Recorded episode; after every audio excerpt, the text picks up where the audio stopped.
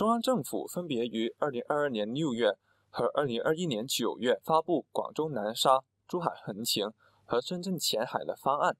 中央政府已对以上粤港澳大湾区三个重大合作平台做出远至二零三五年的中长期规划。这三个重大合作平台的发展方针各有特色，但是有一个共通点，就是深化与香港和澳门的合作，共建粤港澳大湾区。所以，港商深入了解这三个方案，能够更好把握粤港澳大湾区的机遇。首先，南沙方案的实施区域是广州市南沙区全域，其中约二十三平方公里的面积将会是方案的先行启动区。南沙区是广东省广州市最南端的行政区，东西方向紧接东莞和中山。随着近年交通设施配套逐渐完善，现在南沙对外交通已经更方便。例如，目前经公路约一个小时就可以到达深圳湾口岸，经高铁约四十分钟就可以到达香港。南沙方案强调在科研和服务业方面增强与香港合作，例如。中科院和香港科技大学将共建南方海洋科学与工程实验室，也会允许港澳企业在南沙独资或控股的开发建设项目采用港澳工程建设管理模式。南沙方案也有相应的财政政策，例如先行启动区鼓励类产业企业将减按百分之十五的税率征收企业所得税，配合当地资源创业的各种政策。南沙的发展将对香港的创科企业带来更多的机遇。横琴方案方面，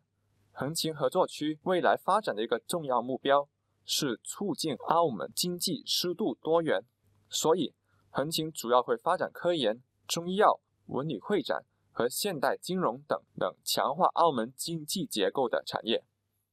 横琴合作区未来会采用一线放开、二线管住的货物进出管理方式。商品在横琴合作区和澳门之间往来免关税，合作区的货物在进入内地时才需缴交关税。由于横琴合作区的部分政策均适用于香港企业，港商可以在当地寻求科研、旅游和金融等行业的发展机遇。而前海合作区的发展对港商而言尤其重要，主要原因有两个：第一，前海合作区发展面积由十四点九平方公里扩展至一百二十平方公里，而且扩展的区域有完善的生活和交通配套，产业发展受土地供应制约的机会将会较少，港商落地初期的适应时间也可以较短。第二，前海合作区产业发展侧重服务业发展，尤其是跨境和国际服务贸易发展。例如，在金融业方面，前海将会在外汇管理便利化等领域先行先试；在专业服务业方面，前海将建设国际商事争议解决中心；在文化领域方面，前海将建设面向海外市场的文化产品开发、创作、发行和集散基地。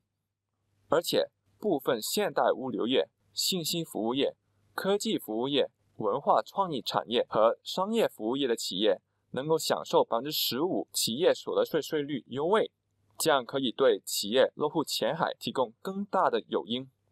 香港是粤港澳大湾区的国际化城市，